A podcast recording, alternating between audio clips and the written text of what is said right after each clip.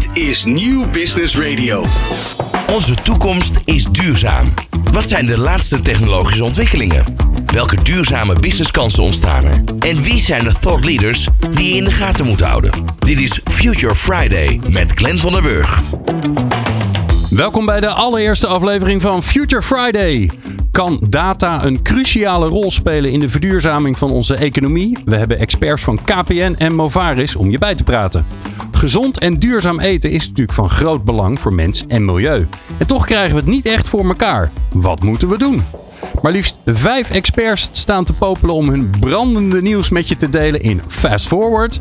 En het meest opvallende nieuws brengt duurzaam-ondernemen.nl je in de Future Friday Update. We zijn bijzonder blij dat je luistert.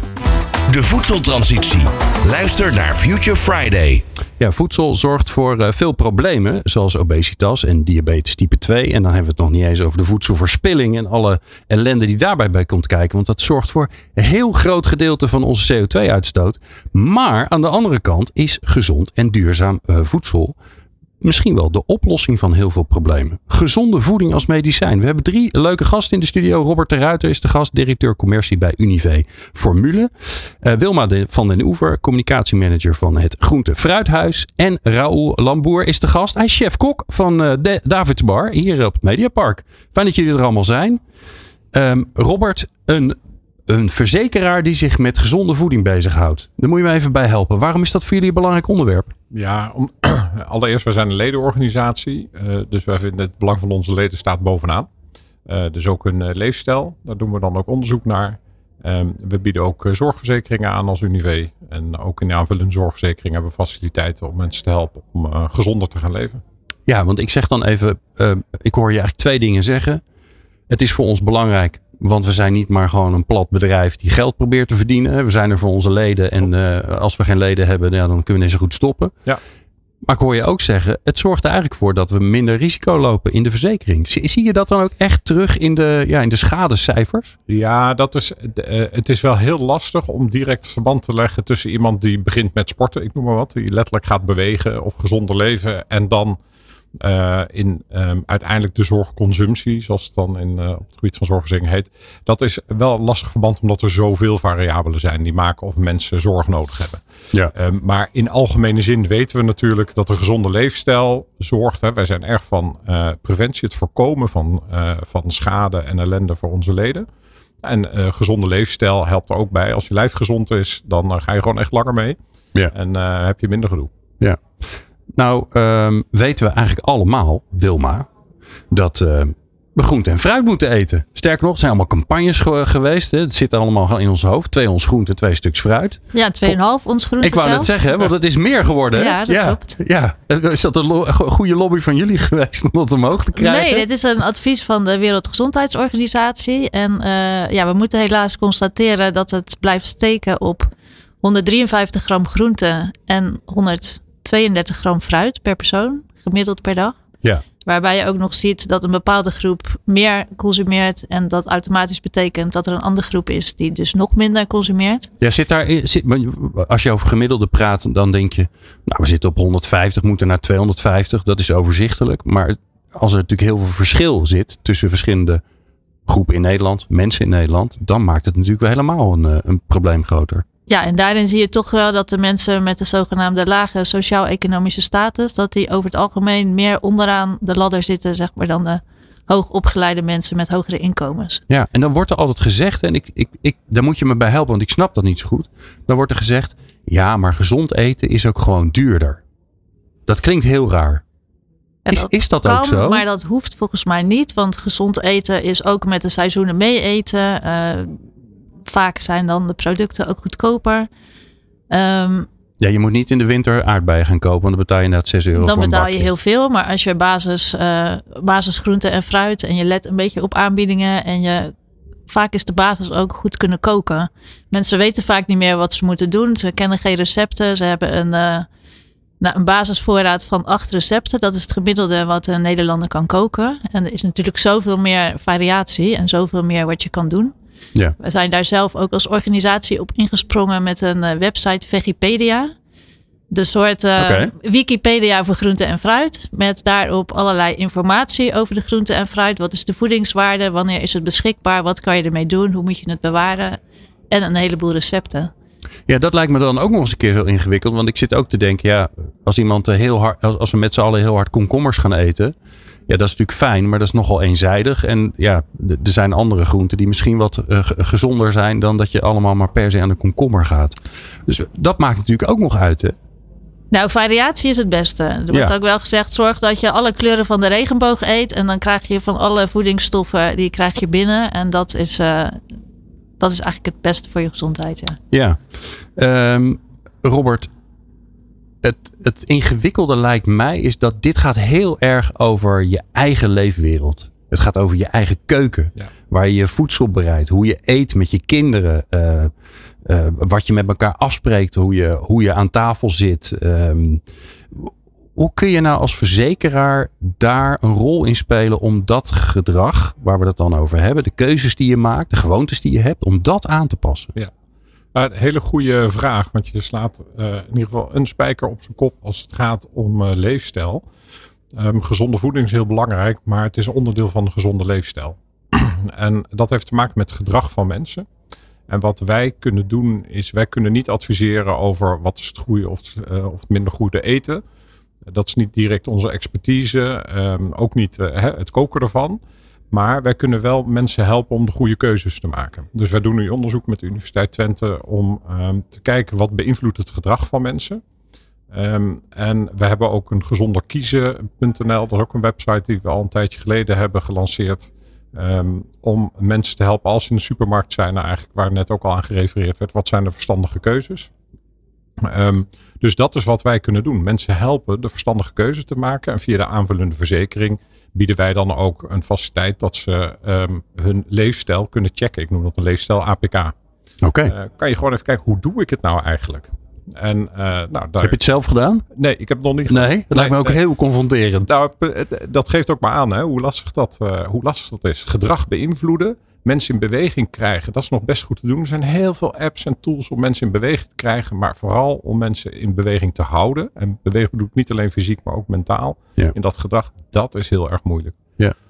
Ja, en eh, waar we het net al even over hadden met Wilma, is natuurlijk ook, het is ook, het is ook niet eerlijk verdeeld. Hè? Dus de last die er eigenlijk is van het, van het ongezonde eh, gedrag, wat we, nou ja, voor, ook voor een belangrijk gedeelte, laten we wel zijn, eh, door de commercie aangeleerd hebben, eh, door waar de dingen staan in de supermarkt. Er zijn Ja. heel veel dingen Ja. die je gewoon niet kunt beïnvloeden Ja. eh, als individu, waar je eigenlijk jezelf een soort van tegen moet wapenen. Ja. Hoe, hoe kunnen we die, die oneerlijke verdeling een beetje beter krijgen? Want ik hoor jullie allebei zeggen, ja, we hebben een website gedaan. Dan denk ik, ja, maar ga je daar dan die mensen die, ja, inderdaad misschien niet acht gemiddeld recepten uit hun hoofd kennen, maar drie. Ga je die daarmee bereiken? Nou, we hebben die, die website hebben wij ehm, gemaakt met eh co-op supermarkten, coöperatieve supermarkten. Dus dat, dat was in ieder geval een initiatief. En die website is nog actief ook. Ja. Ehm, dus dat kan misschien bijdragen, maar het is bovenal de keuze die de mensen zelf maken. Dus je moet daar op de een of andere manier met bewustwording doordringen. Dus daarom doen wij nu echt expliciet onderzoek naar wat hebben mensen nodig om te kunnen en te durven kiezen. Aha. Dat loopt nu met de Universiteit Twente. Dus dat, dat zijn we aan het onderzoeken, zodat we daar ook nou, ja, via eh, stimulerende actie, misschien via een aanvullende zorgverzekering of anderszins mensen eh, bij te helpen. Dat, dat is onze zoektocht ook. Ja, want we weten ook hè, dat, eh, tenminste dat heb ik begrepen uit onderzoek, dat mensen in, in ah, ik noem het maar even plat, achterstandswijken, dan weet iedereen wat we bedoelen, ehm, dat die niet alleen veel eerder een chronische ziekte ontwikkelen, maar er ook nog eens, ook nog eens een keer veel eerder doodgaan. Dat is echt, echt schokkend als je die Ja. cijfers ziet. Ja. Ja, dus daar hebben we echt een maatschappelijke opgave Ja. om daar iets aan te doen. En we weten eigenlijk ook wel, Wilma, wat de oplossing is. Want ja, groente en fruit eten, het is zo simpel. Maar als je daar gewoon veel meer van gaat eten. En ga maar eens 2,5 ons groente op je bord leggen. Nou, dat zijn heel Nou veel ja, boontjes. noem je al iets. Eigenlijk moeten we dus de momenten uitbreiden waarop we groente en fruit eten. Want als Nederlanders zijn we gewend om bij de avondmaaltijd onze groente te eten. Nou, dat Ja. ga je niet redden. En bij de lunch boterham met kaas. Maar Ja, ja, als je die vervangt door een salade en als tussendoortjes wat snackgroenten of eh, ook een salade of een appel, dan kom je er al veel makkelijker aan. Dus ook aanbieden van eh, groenten op diverse plaatsen. Hoe maken we de voedselomgeving gezonder? En waar we het net al over hadden, het begint ook met kennis. Dus vandaar dat wij ook pleiten van, voor een gezonde schoollunch. Waarbij alle kinderen overal al van jongs af aan leren om gezond te eten. Maar ook uh, sportkantines, bedrijfskantines. Uh, als je omgeving gezonder wordt, dan ga je automatisch ook gezonder leven. Ja. Raoul, jij bent chef. Mm Dus jij hebt ongeveer 3000 uh, recepten die je zo kan gaan maken waarschijnlijk in je hoofd. En anders verzin je ze wel. Ja, zeker. Um, hoe, hoe, werkt dat bij jullie in het restaurant? Hebben mensen komen ook binnen met een bepaalde verwachting. Die Ja. willen lekker eten. Um, en dan heb je zeg maar, jij weet natuurlijk ook, hè, die 2,5 ons groente ongeveer Mm. per dag. Ja. Hoe balanceer je dat? De verwachting die mensen hebben. Lekker frietjes bij het avondeten. eh, lekker stukje vlees. Wat toch vaak hetgene is wat eh, mensen willen. Ja. Kan ik me zo voorstellen. ja. Ja, we doen eigenlijk naast het restaurant doen we ook heel veel eh diner verzorgen voor de producties hier op Mediapark. En eh, daarin bieden wij echt wel een, een ruime keuze aan. We stimuleren ook wel eh, zeg maar de vegetarische opties. Ja, want dat is Eh, helemaal interessant. Want dan ben je niet het uitje. Maar dan ben je het normale eten. Ja. Hè, mensen hier op Mediapark. Ja. Die, ja, soms zijn ze hier gewoon weken achter elkaar. Elke avond eten ze hier. Ja, ja, ja precies. Dus ja, ik vind dat daar voor ons wel een, een rol ook ligt om mensen daarin eh, ja, een beetje te stimuleren en ook een beetje te begeleiden. Dat, eh, dat is niet altijd eh, even makkelijk. Eh, we, we proberen inderdaad ook wel zeg maar onze gerechten gewoon echt voor de helft vanuit groentes te besta- laten bestaan. Oké. Om inderdaad toch een beetje dat, dat, die gemiddelde een beetje omhoog te, te, te krikken hier. Hoe zorg je dat het, want ik zit heel erg praktisch te denken ook. Hoe zorg je dat het handzaam is? En want vaak is het zo dat je bij groenten toch, nou ja, behalve dan als je lekker een snackkomkommertje of een snacktomaatje Mhm. eet. Maar vaak heb je bestek nodig. Dat is weer ingewikkeld als je s'avonds hier aan het werk bent en je moet even tussendoor even snel eten. Mhm. Dan is het toch handig dat je iets in je handen hebt. Dan wordt het al snel, denk ik, een broodje of een boterham. Dus hoe denk je daarover na? Eh, als in, eh, nou, er wordt dat wel- het een beetje makkelijk beter pakken is ook. Nou ja, we, dus je moet het een beetje zien als, eh, als, als comfortfood. Hè? Dus, dus je, we maken echt, echt maaltijden in, in bakjes die dus bezorgd worden.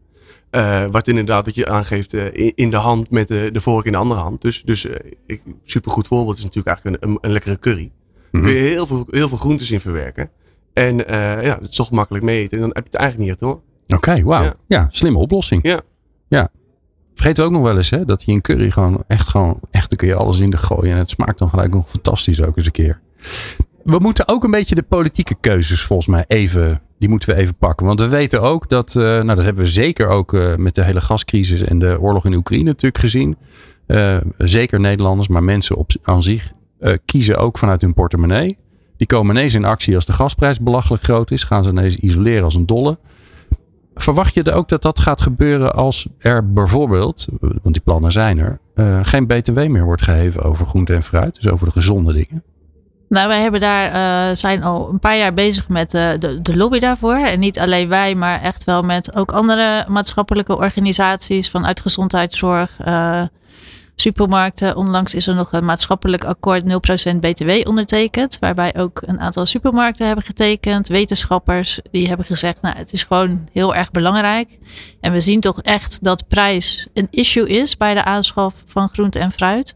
Dus als je die BTW eh, met 9% verlaagt naar 0%, dan verwachten wij echt wel dat dat eh, resultaat zal hebben. Ja, en dan wordt er En het- gezegd, eh, ja, maar dan, ver- dan verhogen de supermarkten en de hele keten verhoogt dan gewoon zijn prijzen met 10% en dan heeft de consument er niks aan. Nee, en daar hebben dus die supermarkten voor getekend Aha. dat ze dat niet gaan doen Kijk, in dat goed. maatschappelijk akkoord. Ja, Dus, maar dan is nog de vraag, ja, gaat, het, gaat de overheid dat geld beschikbaar stellen daarvoor? Want het kost natuurlijk ook een behoorlijk bedrag. Aan de andere kant is er volgens mij ook sprake van een suikertax. Dus als de Ja. suikertax dat gat zou kunnen vullen, dan snijdt het mes waarschijnlijk aan twee kanten. ja, in het ergste geval wordt er minder suiker geconsumeerd en meer groente en dan zien we dat wel weer terug in de zorgkosten, zou ik zo zeggen, toch, Robert? La- laten we het hopen. Laten we Ja. het hopen. Zijn jullie daar voorstander voor? Maken je daar een keuze in wat je, wat je Nou, daarvan nee, vindt? Wij, wij, wij maken niet publieke keuzes over eh, ehm, dit soort politieke keuzes. Ehm, eh, dus dat is even niet aan mij. Die laat ik graag aan anderen. Nee, Eh, snap wat ik. ik wel kan bevestigen is,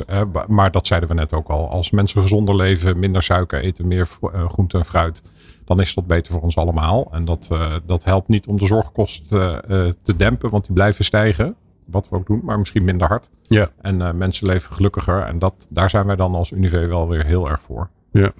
Raoul, eh, wij gaan zo ook lunchen. Nou, tenminste, eh, onze gasten, Robert en Wilma, gaan. Ja. lunchen. En jij gaat zelf eh, lunchen, denk ik. Ja. Ik nog even niet, want ik sta nog wel even hier. Dat is een Mhm. beetje lastig met mijn mond vol.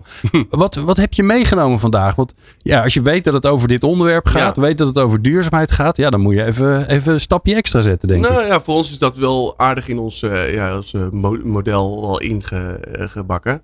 Eh, ik heb een mooie gevarieerde lunch gemaakt, broodjes. Ik heb wat soep gedaan, wat salades. Maar eh, het leuke daarvan is, wij werken samen met een bedrijf dat heet Instok. Ja, in En- ja. En eh, het leuke daarvan is dat je eigenlijk een heel goed assortiment kan aanbieden van ja, groente, fruit, wat misschien net eventjes niet perfect was voor de consumptie. eh, een stukje overproductie en zo. ja, en- k- kromme komkommers en, Ja, ja. en, Ja. en paprika's met een bocht erin. Ja, maar voor mij is dat natuurlijk heel erg leuk om dat te doen. Want je wordt eigenlijk je, gekaderd. En binnen die kaders moet je, eh, moet je creatief zijn. Dus het, Aha. het eh, vraagt iets meer van jezelf, zeg maar. Oké, dus de groentes die we straks eh, lekker, lekker gaan opeten. Ja. Als jullie en in een stokker niet waren, dan waren die door de shredder heen gegaan. Ja. En als eh, biomassa waarschijnlijk ergens Ja. opgestookt. Ja. Wauw.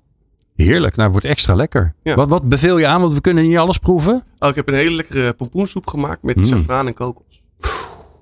Te gek. Nou, ik eh, begin nu al te watertanden, wat een probleem is. Want ik eh, sta nog minstens drie kwartier in de studio. Eh dankjewel. Bijzonder fijn dat jullie er waren. Robert de Ruiter van Unive. Wilma van den Oever van Groente Fru- Fruithuis. En eh Raoul Lamboer. Die moet eh, aan de slag. Want ja, het is tijd voor de lunch van Davids Bar in, hier op het Mediapark. Dus ga daar vooral eten. Wij gaan zo aan de slag met hele korte, snelle nieuwtjes. Want we gaan straks naar de update. En die hoor je zo. Future Friday Update. Ja, het is tijd voor de Future Friday update. En dat doen we met eh, de man die eh, precies weet wat er allemaal gaande is. Ja, dat is een, een, dat is een enorme verwachting die we uitspreken. Maar ik weet dat het zo is. We hebben Volkert van der Molen te gast. Hij is oprichter, oprichter van duurzaam-ondernemen.nl. En eh, ja, vanuit dat platform hou- houdt hij eigenlijk al jarenlang, echt al heel lang... eh, ja, ook in de tijd dat duurzaamheid nog eh, obscuur was voor heel veel mensen. Houdt hij al bij wat het duurzame eh, nieuws is op het gebied van ondernemerschap. Volkert, bijzonder leuk dat je er bent. Zeker, Glenn, leuk. Ja, ik, ik heb de onmogelijke vraag aan jou gesteld. Volkert, doe mij drie nieuwtjes uit die hele grote waslijst die jij altijd bijhoudt op jouw website. Waar gaan we mee beginnen? Topic over de duurzaamheidsverslaggeving.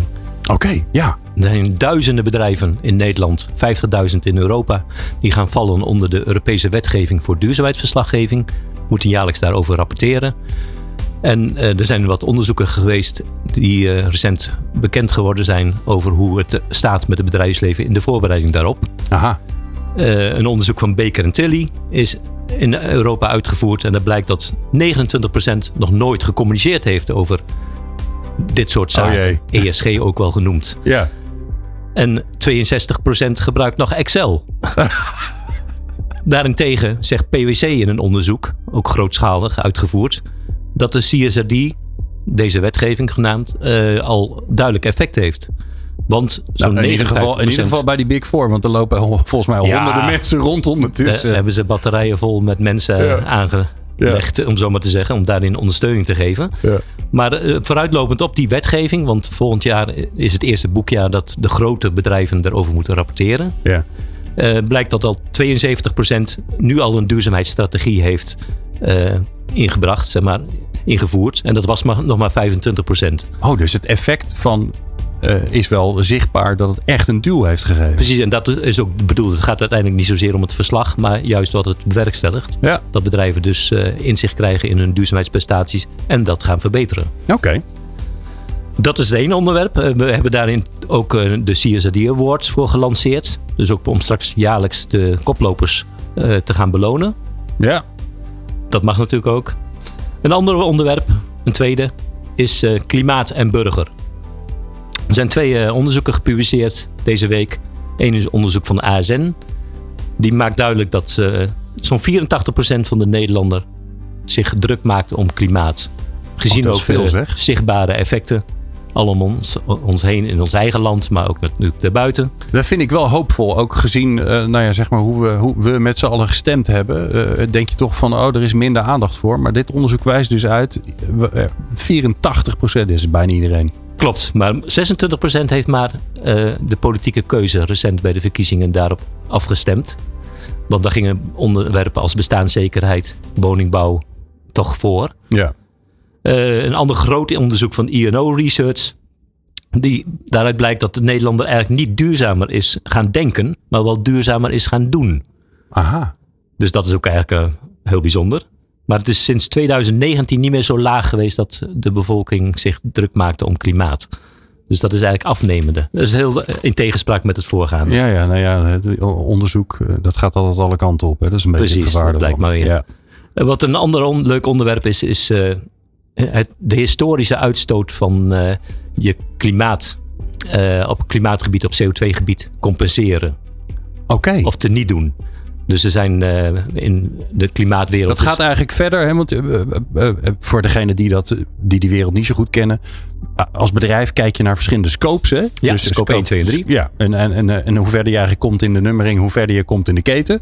Klopt. Ehm, maar dit is eigenlijk weer een volgende erbij. Ja, de Microsoft is daar een van de grote bedrijven die ermee begonnen is. Die heeft zijn historische uitstoot berekend en wil dat ook teniet maken. Oh, te wauw. niet doen. En we noemen dat wel scope 0. Een beetje een werktitel. eh, als nieuw fenomeen. En eh, we sporen ook bedrijven aan om eh, ook hiermee aan de slag te gaan.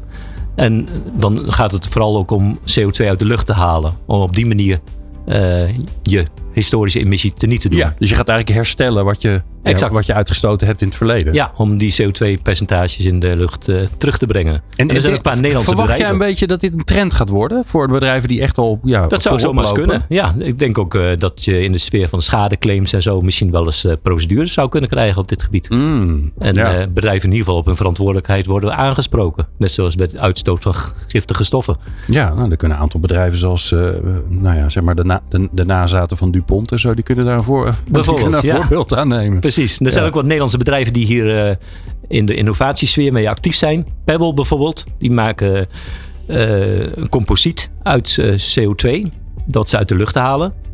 En een andere groot, grote innovatie is Carbion. Die doen aan direct, direct air capture. En die hebben ook een ultrasnel proces weten te innoveren, zeg maar. Oké, ja. Dus dat is een- echt wel een nieuwe markt, een nieuw fenomeen. ja. Nieuwe business die gewoon opkomt, zou je kunnen Precies. zeggen. hè? Ja, hoe helpen, help bedrijven hun, eh, hun geschiedenis een beetje positiever maken? Klopt. Ik heb nog wat laatste leuke kleine actuele nieuwtjes. Ja, kleintjes, ja. De WUR is voor de zevende keer de duurzaamste universiteit van de wereld. Wauw. Ik ben Wageninger, dus ik ben keer. trots. Ja. Avantium, een heel bekend Nederlands bedrijf, die maken een plantaardig polymeer. Hebben twee prachtige deals gesloten in korte tijd. Eentje om alle verpakkingen van het eigen merk van Albert Heijn daar de grondstof voor aan te leveren. En voor het kledingbedrijf Pangaia maken zij ook, hebben ze een deal gesloten om daar de grondstoffen voor te leveren. Wauw. Mooi Volkert. Ik vind het weer bijzonder knap dat je uit die enorme stroom... Ga zelf maar eens even kijken op duurzaam-ondernemen.nl. Want eh, daar kun je uren, misschien nog wel dagen... misschien nog wel jaren op eh, grasduinen. Eh de volgende keer ben je er wat mij betreft gezellig weer bij. Doe weer. Hartstikke goed. Dankjewel. Je hoorde Volkert van der Molen van duurzaam-ondernemen.nl. Eh, ja, wij gaan eh, gelijk door naar eh, het volgende item. Ehm, en ehm, ja, we hebben weer iets leuks bedacht. Fast Forward bij Future Friday. Ja, en dat is een beetje ingewikkeld, want eh, de gasten van de Fast Forward die staan achter mij. Dus ik, eh, ik, probeer, probeer twee dingen tegelijk te doen. Dat kan natuurlijk helemaal niet. Ehm, in de Fast Forward, het werkt eigenlijk heel simpel. Eh, we hebben een minuut de tijd. We hebben vijf gasten, iedere minuut. En ehm, de grote vraag is natuurlijk, ja, wat hebben ze te delen met de wereld? Mijn eerste gast staat ondertussen voor de microfoon. Ja, ik zie hem staan. Xander Beks, directeur van iNature. Ja, ik heb eigenlijk maar één vraag voor je, Xander. En dat is namelijk, waarom vind jij het zo belangrijk om jongeren te betrekken bij duurzaamheid en bij de toekomst? En het leuke is, daar hebben we ook nog een aftelklok voor. Nou, we zijn eh, met IVNH van overtuigd dat jongeren dragers zijn eigenlijk van de toekomstige ontwikkelingen. Eh, meer dan eh, alleen in het verleden dat we dachten jongeren hebben verfrissende ideeën, denk ik dat zij hè, de brengers zijn van een, een nieuwe wereld waarin zij opgroeien, waar beslissers en besluiters eh, eh, die wat eh, grijzer haar hebben meestal niet zoveel nootje van hebben. Dus wij geloven dat jongeren mee aan het stuur moeten van grote organisaties, van bedrijven, overheden. Dus zetten in op jongboards bij, bij alle organisaties. Om te zorgen dat zij eigenlijk de hefboom zijn voor die vergroening, de verduurzaming van de organisaties. En de potentie ontsloten wordt voor ja, de bedrijfsvoering, de producten, de diensten die zij, die zij hebben.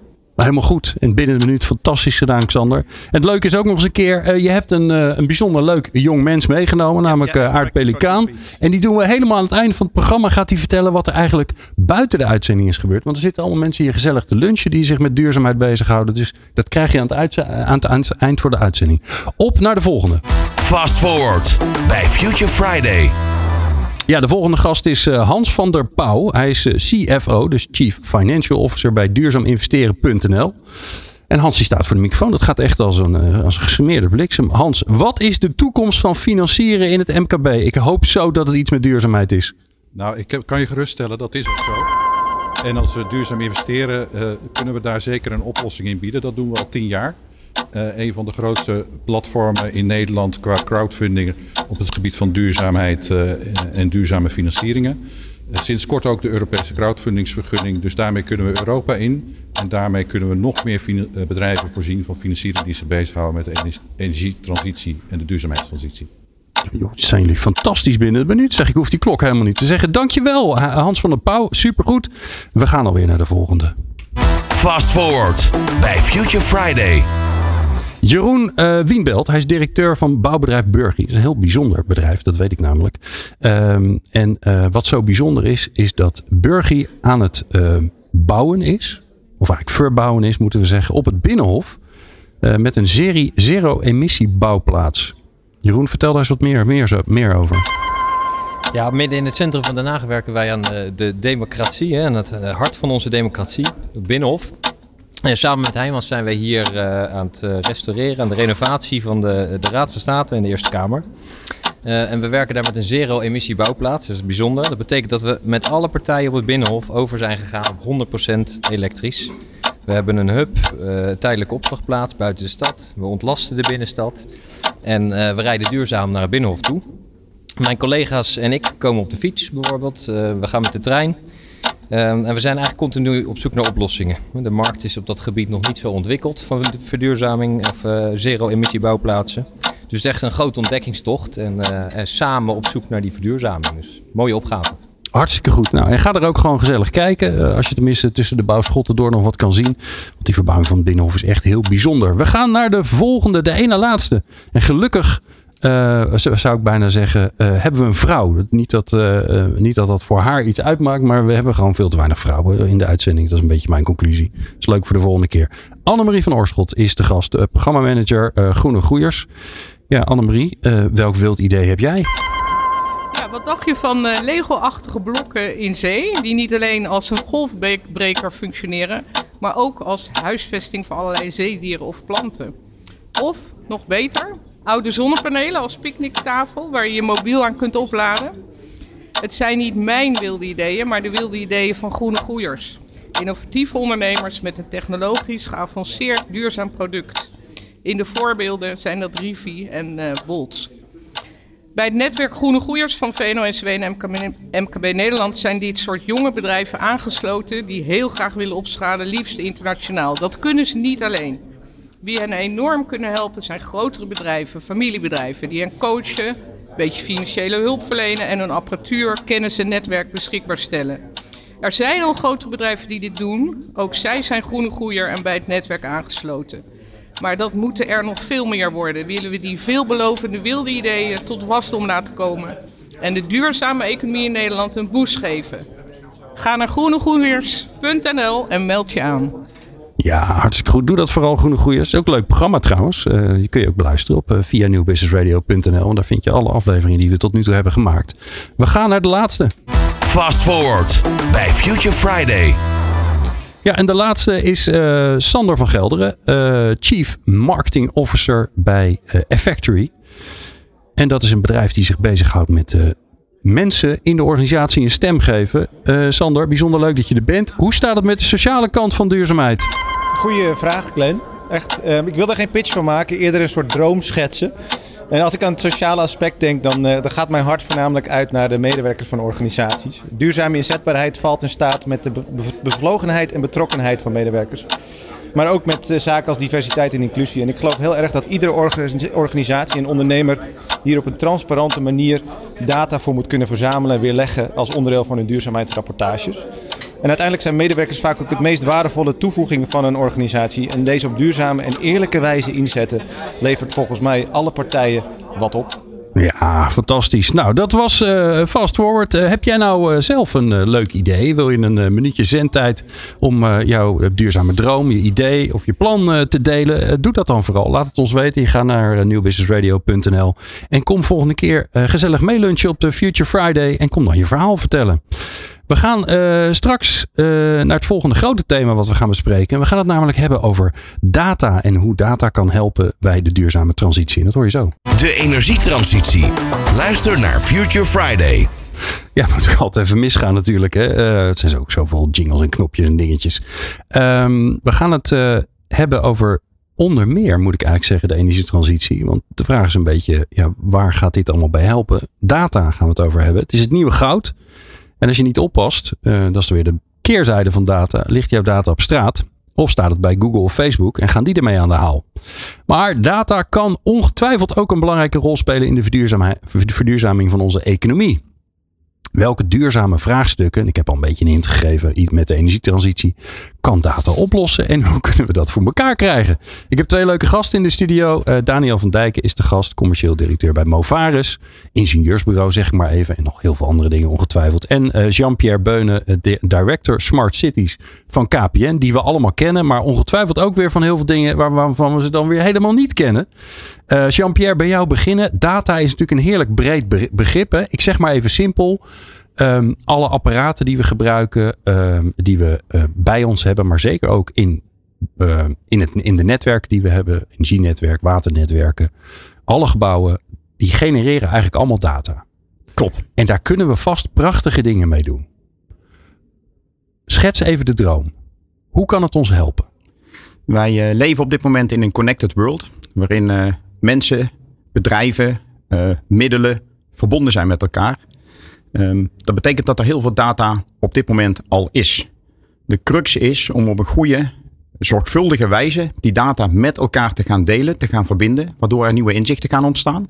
Waarbij dus maatschappelijke thema's, vraagstukken in de smart city opgelost gaan worden. Of het gaat om veiligheid, mobiliteit, duurzaamheid. Vooral duurzaamheid is van belang. Ja. En als we dan uh, specifiek inzoomen op uh, de stad, waarin uh, de stad echt staat voor een hele duurzame energietransitie, waarin we de elektrificering volwaardig willen ondersteunen, waarin we de mensen de mogelijkheid geven om zonnepanelen te hebben, om een warmtepomp te hebben en om met die data aan de haal te gaan om zo kostenefficiënt, maar ook zo duurzaam hun eigen auto of wasmachine te laten draaien, dan uh, is dat eigenlijk hetgeen wat data kan betekenen. Ja, eigenlijk eh, als ik dan naar mijn eigen huis kijk, uh, dan uh, heb ik nu een wasmachine en, en, een, en een afwasmachine overigens die allebei uh, aan mijn wifi hangen.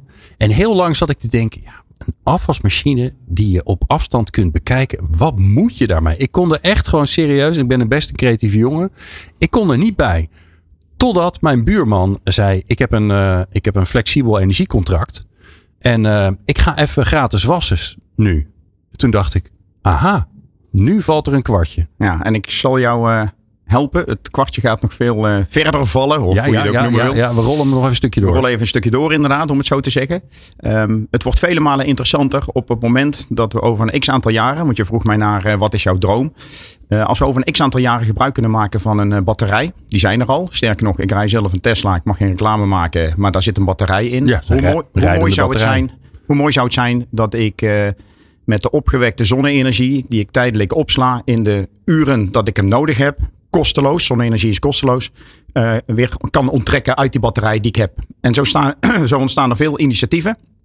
Ik hoop dat op termijn inderdaad of een gezamenlijke buurtbatterij of dat een individuele batterij in een device wat ik heb, in dit geval een auto, uh, ik kan gebruiken inderdaad om mijn huis te voorzien. En dan gaan we echt richting die circulaire economie. Ja, gaaf. Uh, Daniel, uh, jij werkt bij Movaris. Ik zei al even uh, dat iedereen het enigszins begrijpt, ingenieursbureau. Maar jullie zijn heel groot. Hè? Hoeveel mensen werken er bij jullie? Ongeveer 1300. Ja, nou dat vind ik veel.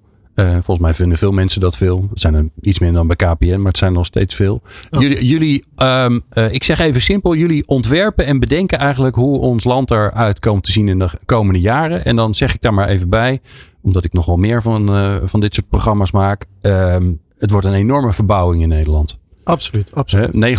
900.000 woningen. Uh, het zijn er al meer geworden ondertussen volgens mij. Uh, daarnaast gaan we ook nog eens een keer uh, het hele energienet opentrekken en verbouwen. We moeten ruimte geven aan de natuur. Zodat als het keer hard regent, dat het water ook weet waar het naartoe gaat en niet naar mijn kelder. Nou, al dat soort dingen. Allemaal tegelijk.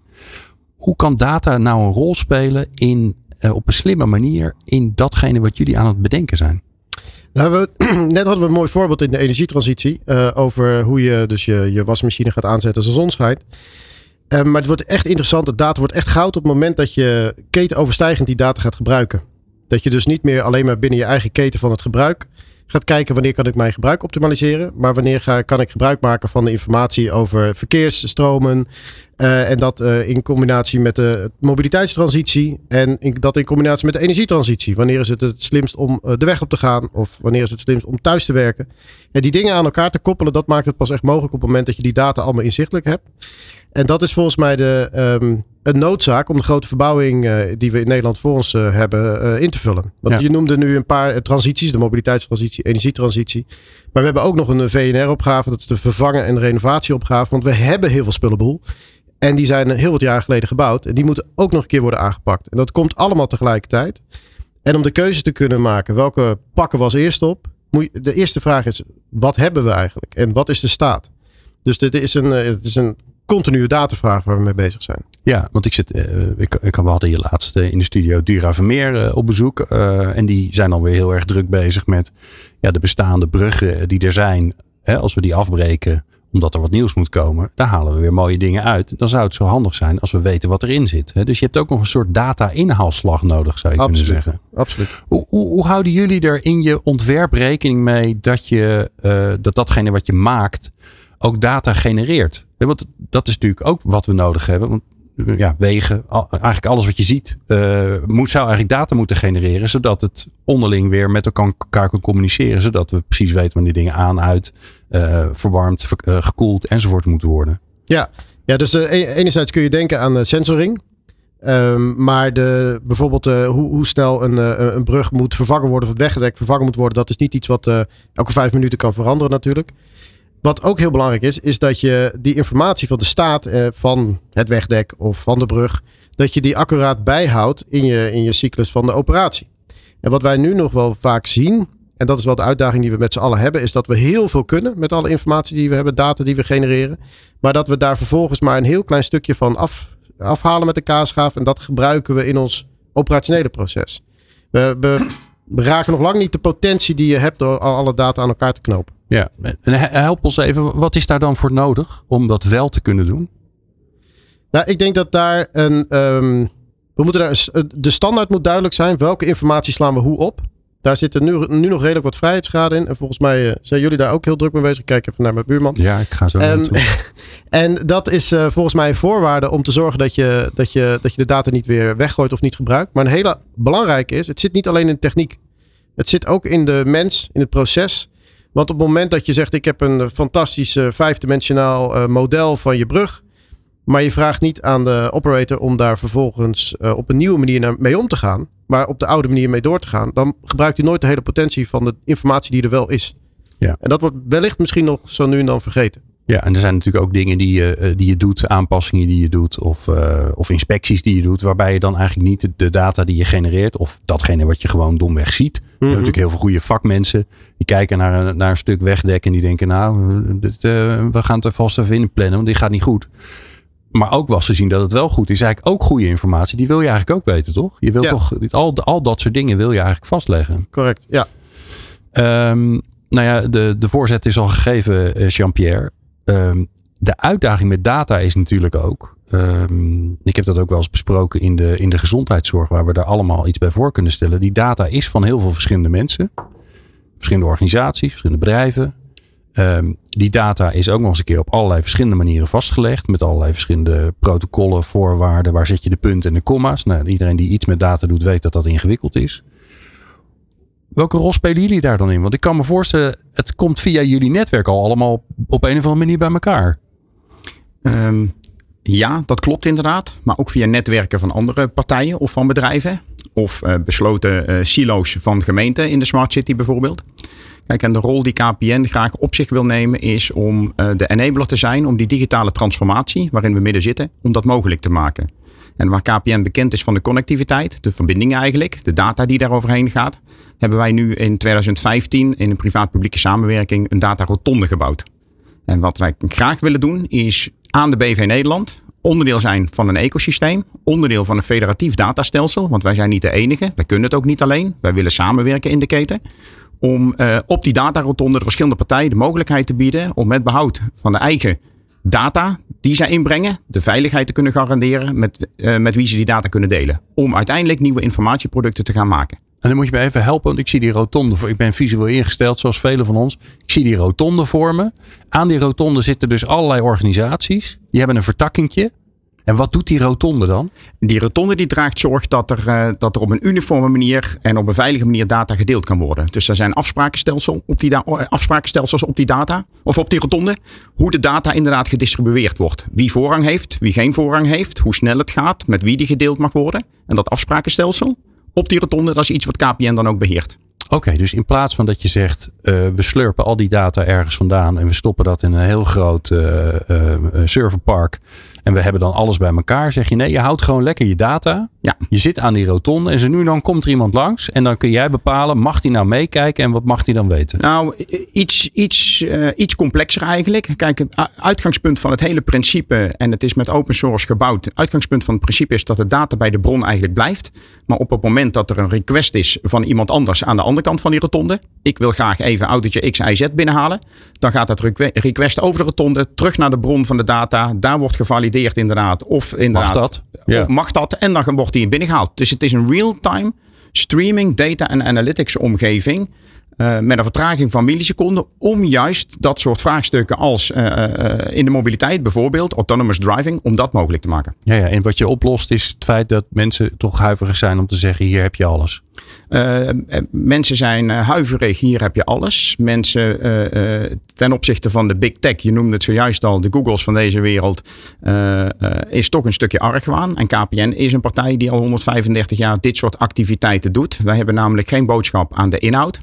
Hebben we ook nooit gedaan. Uh, uh, uh, en wij zijn een, toch wel een betrouwbare partij in Nederland om dit mogelijk te maken. En dat is de reden dat wij graag deze play willen spelen. Niets met de inhoud van data doen, maar wel het faciliteren dat data met elkaar en tussen organisaties gedeeld ja, kan worden. Ja, het interessante is, is dus dat jullie eigenlijk, want je zei, we, we transporteren, we zorgen ervoor dat we, dat we mensen aan elkaar verbinden. En wat ze dan tegen elkaar zeggen of met elkaar uitwisselen, daar wensen we ze veel succes mee. Maar dat is niet aan ons.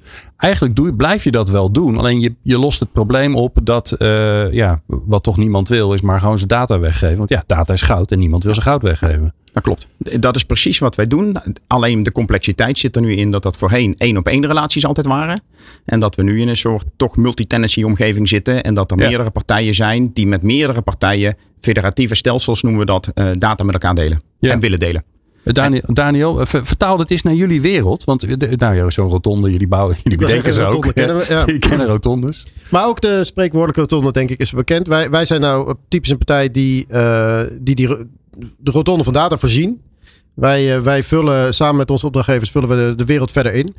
Maar de, die, uh, die security uh, aspect is wel een hele belangrijk. Het is niet alleen omdat mensen niet hun, goud gratis weg willen geven. Maar op het moment dat je denkt aan de energietransitie en je zou informatie over het hoogspanningsnet van Tennet beschikbaar willen hebben om de juiste keuze te maken wanneer je wasmachine aan moet. Je kan ook voorstellen dat dat soort informatie ook heel gevoelig kan zijn in de operatie van Tennet. Dus, dus daar kunnen mensen met minder goede intenties iets, uh, iets, nou ja, iets verkeerds mee doen. Ja. Dus die datasecurity is ook voor heel veel van onze klanten een heel erg belangrijk uh, onderdeel. Want ze willen heel graag wel delen, want ze zien ook die toekomst dat die data, het delen en het aan elkaar verbinden van data brengt ons verder.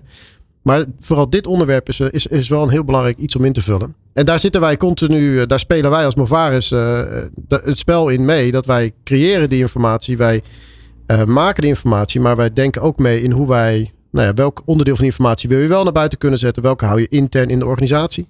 En dus wat, uh, wat is er beschikbaar in de rotonde, zeg maar. Dus Ja. dat is een actueel ja, vraagstuk voor ons. Ik wil eigenlijk met jullie afsluiten met, uh, met iets lekker praktisch. Uh, want dit is, ik kan me ook voorstellen dat onze luisteraars denken: jeetje, dit is groots, meeslepend, uh, ver van mijn bed, ingewikkeld.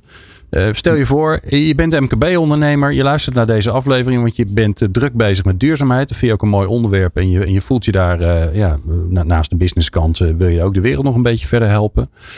Welke stap zouden ze kunnen zetten om al iets op dat ge- gebied van data te kunnen doen richting, richting duurzaamheid, Daniel? Het verschilt natuurlijk heel erg wat voor soort MKB-partij we het over hebben. Maar ik denk dat een paar principes, eh, denk ik, eh, eh, als je die altijd in hand neemt, dan, dan kun je heel ver komen. De eerste is van, heb ik het echt nu nodig? Dan kan je dus denken aan energiegerelateerde vraagstukken of materialen. En de tweede is de hergebruikvraagstuk. Zeker bijvoorbeeld eh, de, de, bij de aannemerij. Er zijn heel veel dingen die we kunnen hergebruiken. Waar we mogelijk nu veel te makkelijk overheen stappen. Omdat dat in losse fasering zit. De sloop van een eh, object dat was een ander project dan de bouw. Ja. Dus die twee eh, vraagstukken je telkens zelf afvragen. Kan ik het eh, nog een keer gebruiken? En moet ik het echt nu hebben? Dat zijn denk ik eh praktische Ja, en ik hoor je eigenlijk ook zeggen, eh, eh, leg dat soort dingen ook vast. Dus leg ook vast eh, als je iets eh, maakt of koopt of hebt van wat heb ik eigenlijk en wat zit erin. Want dan weet je ook weer eh, wie de belanghebbende is. Want dat is natuurlijk ook weer de uitdaging van data. Eh, wie kan er met dat- iets met datgene waar je eigenlijk te veel van hebt of waar je vanaf wil. En dan, eh, ja, dan sluiten we de cirkel natuurlijk nog. eh, ja, die rotonde die blijft steeds Die terugkomen. Zeg. mooi, hè? niet te geloven. Ja, Jean-Pierre, jouw tip. Mijn tip is: kijk goed om je heen. Houd duurzaamheid hoog in het vaandel. En als tip heb ik eh, voor die MKB'er, want dat was jouw vraag. Wat kun jij meegeven inderdaad? Nou, wij zijn, eh, om het heel kort uit te leggen, met een interessant project bezig met een partner van ons. Die een AI-model heeft ontwikkeld om eh, gebouwbeheersystemen te koppelen. En om daarmee eh, CO2, maar vooral ook energie te kunnen besparen. En energie is ook kosten. Dus op het moment dat je je gebouw eh, koppelt aan eh, de data rotonde, om het zo maar weer even te zeggen, daar AI-modellen op loslaat. Een partner van ons, ik mag de naam noemen, Eames, ehm, die eh, analyseert dat en die doet real-time het gebouwbeheersysteem aansturen of wel of niet de zon op de zuidzijde zit, of wel of niet de bezettingsgraad goed is. Dus wij zijn in staat om tussen de 15 en 30 procent energie te besparen voor een relatief lage investering aan onze partner. En die partner maakt alleen maar gebruik van onze datarotonde. Oké, dus de data die je eigenlijk je ge- gebouwbeheersysteem genereert, die wordt op een slimme manier geanalyseerd en eh, samengevoegd. En daardoor kan je enorm veel energie besparen. Enorm veel energie besparen. KPN maakt er zelf gebruik van en eh, wij stonden versteld van eh, de besparing die het oplevert om heel slim, om heel slim je energiegebouwbeheersysteem aan te sturen. Geweldig. Nou, lijkt me een heel concreet ding. Ik, ehm, eh, ze kunnen jou bellen, denk ik, hè? Ze kunnen me altijd bellen. Ja, nou, wij zorgen dat jullie eh, dat eh, Jean-Pierre te vinden is. Dank jullie wel. Jean-Pierre Beunen hoorde je van KPN en Daniel van Dijken van Bovaris. Eh, dank jullie wel voor jullie wijsheid. Ja, wij gaan naar ons laatste onderdeel. Eh, we gaan naar de jeugd. Onze toekomst is duurzaam. Future Friday. Ja, want terwijl wij hier in de studio staan eh, en eh, er wordt er ondertussen lekker geluncht. Ehm, en tijdens die lunch is natuurlijk iedereen heel indachtig aan het luisteren naar, eh, naar de uitzending. Maar er wordt natuurlijk ook wat eh, afgekletst met elkaar, ongetwijfeld. Dus ik ben zo benieuwd, waar ging het gesprek over? Waar ik niet bij was. Dat is eigenlijk een beetje de conclusie. Eh, ja, we vragen elke keer een, een, een, een, jong, een jong mens. Nou ja, tenminste als je dat vergelijkt met mij. De jong is natuurlijk ook altijd maar een, een, een, ja, een relatief ding. Maar we hebben Aart Pelikaan te gast. Een melkveehouder uit Hoogblokland. Dus dat is ook nog eens een keer leuk en bijzonder. Ehm Aart, jij was eh, eh, hier in de, in de algemene ruimte naast de studio. Eh, je stond eigenlijk in mijn rug, want ik sta met, met mijn gezicht naar buiten te kijken. En achter mij gebeurt dan van alles nog wat. Waar ging het over? Ja, ja goede vraag. Ehm, nou, ik vond het leuk eh, om, om, om al die verhalen hier te horen. We zitten hier met een hoop mensen met mooie, goede initiatieven. En, en eigenlijk is die verbindende rol, die heb ik hier wel gevoeld. Eh, mensen hebben energie, eh, die willen graag anders, die willen duurzamer eh, werken in hun bedrijf. In, in welke vorm dan ook. Bij de ene zal dat data zijn, bij de andere duurzaamheid. En de volgende in elektriciteit of, of mobiliteit en elektriciteit. En, en in heel veel dingen zit een overlap. En zo kunnen bedrijven wat voor elkaar betekenen. En ik, ik zag die mooie verbindende rol ook wel. Ehm, ja, en zie je dat dan ook ontstaan tussen mensen? Die gaan met elkaar babbelen. En dat is natuurlijk altijd van, goh, wat doe jij? En oh, leuk. En wat, waarom ben je hier dan? Dat soort gesprekjes krijgen we ongetwijfeld. Ja, klopt. Ja, ja en, en, en, en wat doe je? En, en hoe kan ik misschien eh, jou helpen? Met, eh, met, eh, ook, ook rondom data, want data was een van jullie speerpunten. Hoe kan data helpen? Nou, ik zie het in onze sector ook. Als melkveehouderij is data wordt en is heel belangrijk. En daar kunnen we ook wat mee. En daar kunnen we ook stappen mee zetten. En, en, en, en zo kunnen in, in, in andere sectoren kunnen daar ook stappen uh, in gezet worden. En uh, uh, ik, ik denk dat, dat daarin bijvoorbeeld AI heel, heel erg ons kan helpen. Bijvoorbeeld met data en, en wat kan beter. Um, ja, en, en, en soms is er in een organisatie ook weerstand. Dat voelde ik ook wel. Dat hoorde ik aan een aantal ook zeggen. Aha. Van, van er is weerstand om in het oude systeem te werken. Of hoe, hoe, hoe kunnen we die systeemverandering verbeteren? En dat, dat, dat, vond ik ook wel mooi dat het initiatief er is. Uh, ook jonge mensen betrekken. Want uh, ja, als je de graadmeter qua grijze, grijze haren ziet, die zijn aanwezig hier. Ja, ja die uh, hebben we gevonden. Ja, ja. ik doe daar aan mee. Ja, maar zo, zo, zo zou je wel binnen organisaties veranderingen. Jongeren zijn echt wel een sleutel daarin. Um, maar, maar ook wat we hier vanmiddag doen met verbinding. Dus verbinding met elkaar zoeken. Nou, dat is, dat is het mooiste wat er is. Ja. Ja, en als aan jou, stel je voor, ik ga straks ook nog even aan de mensen straks vragen buiten de uitzending. Maar dit is de eerste keer dat wij het doen. Wij vonden het een leuk idee, sowieso altijd een leuk idee om een programma te maken over duurzaamheid. Met uh, lekker veel snelheid erin, veel verschillende onderwerpen. Maar ook gewoon veel mensen bij elkaar brengen. Die dan uh, met elkaar babbelen. En ja, hopelijk uh, gaan komen ze tot nieuwe ideeën, nieuwe business. worden er weer, weer, nieuwe samenwerkingen gesmeed. Moeten ja. we daarmee doorgaan? Wat ja, zeker. Ik, ik, ik, ik zie de nieuwe initiatieven geboren worden. Laten we het zo zeggen. Dus, Oh, dus dat is heel positief. Ja. Dus uh, nou ja, nou, en ik, ik wil natuurlijk altijd graag wat vertellen over onze sector. Want ik ben er trots op. Ik ben een jonge melkveehouder. Uh, en, graag zou ik dan ook willen zeggen tegen alle mensen die momenteel op de weg zitten. En om je heen kijken, zit je in een plattelandelijk gebied. Uh, geniet even van alles om je heen. de wijdse uitgestrekte weilanden. De boer die daar aan het werk is. Ja, momenteel niet. Maar in het voorjaar, prachtig. Mooi, supergoed. Nou, uh, Aart, je hebt, uh, je hebt de standaard gezet voor de volgende keer voor degene die jou opvolgt. Je hoorde uh, Aart Pelikaan, merk voor melk, melkveehouder in Hoog Blokland. Waar is dat eigenlijk, Hoog Blokland? net iets boven Gorkum. Oh, oké. Okay. Oh, nou. Het groene hart, hè? Ja, Zit, zitten we dan net randje. Nou, super fijn dat je er was, Aart. Fijn dat je ook uh, wilde delen wat er allemaal gebeurd is. En jij natuurlijk dankjewel voor het luisteren naar deze aller, aller, allereerste aflevering van uh, Future Friday. Wil je er de volgende keer bij zijn? Nou, bijzonder graag. Je bent welkom uh, totdat het hier echt helemaal vol zit. Um, als je je aanmeldt via newbusinessradio.nl of via het linkje wat wij in de show notes zetten, dan ben je de volgende keer bijzonder welkom. En misschien kom je wel in de uitzending. Tot de volgende keer. Dit was Future Friday. Wil jij een volgende keer meelunchen? Heb je een interessant verhaal te delen of wil je meer luisteren? Ga naar nieuwbusinessradio.nl.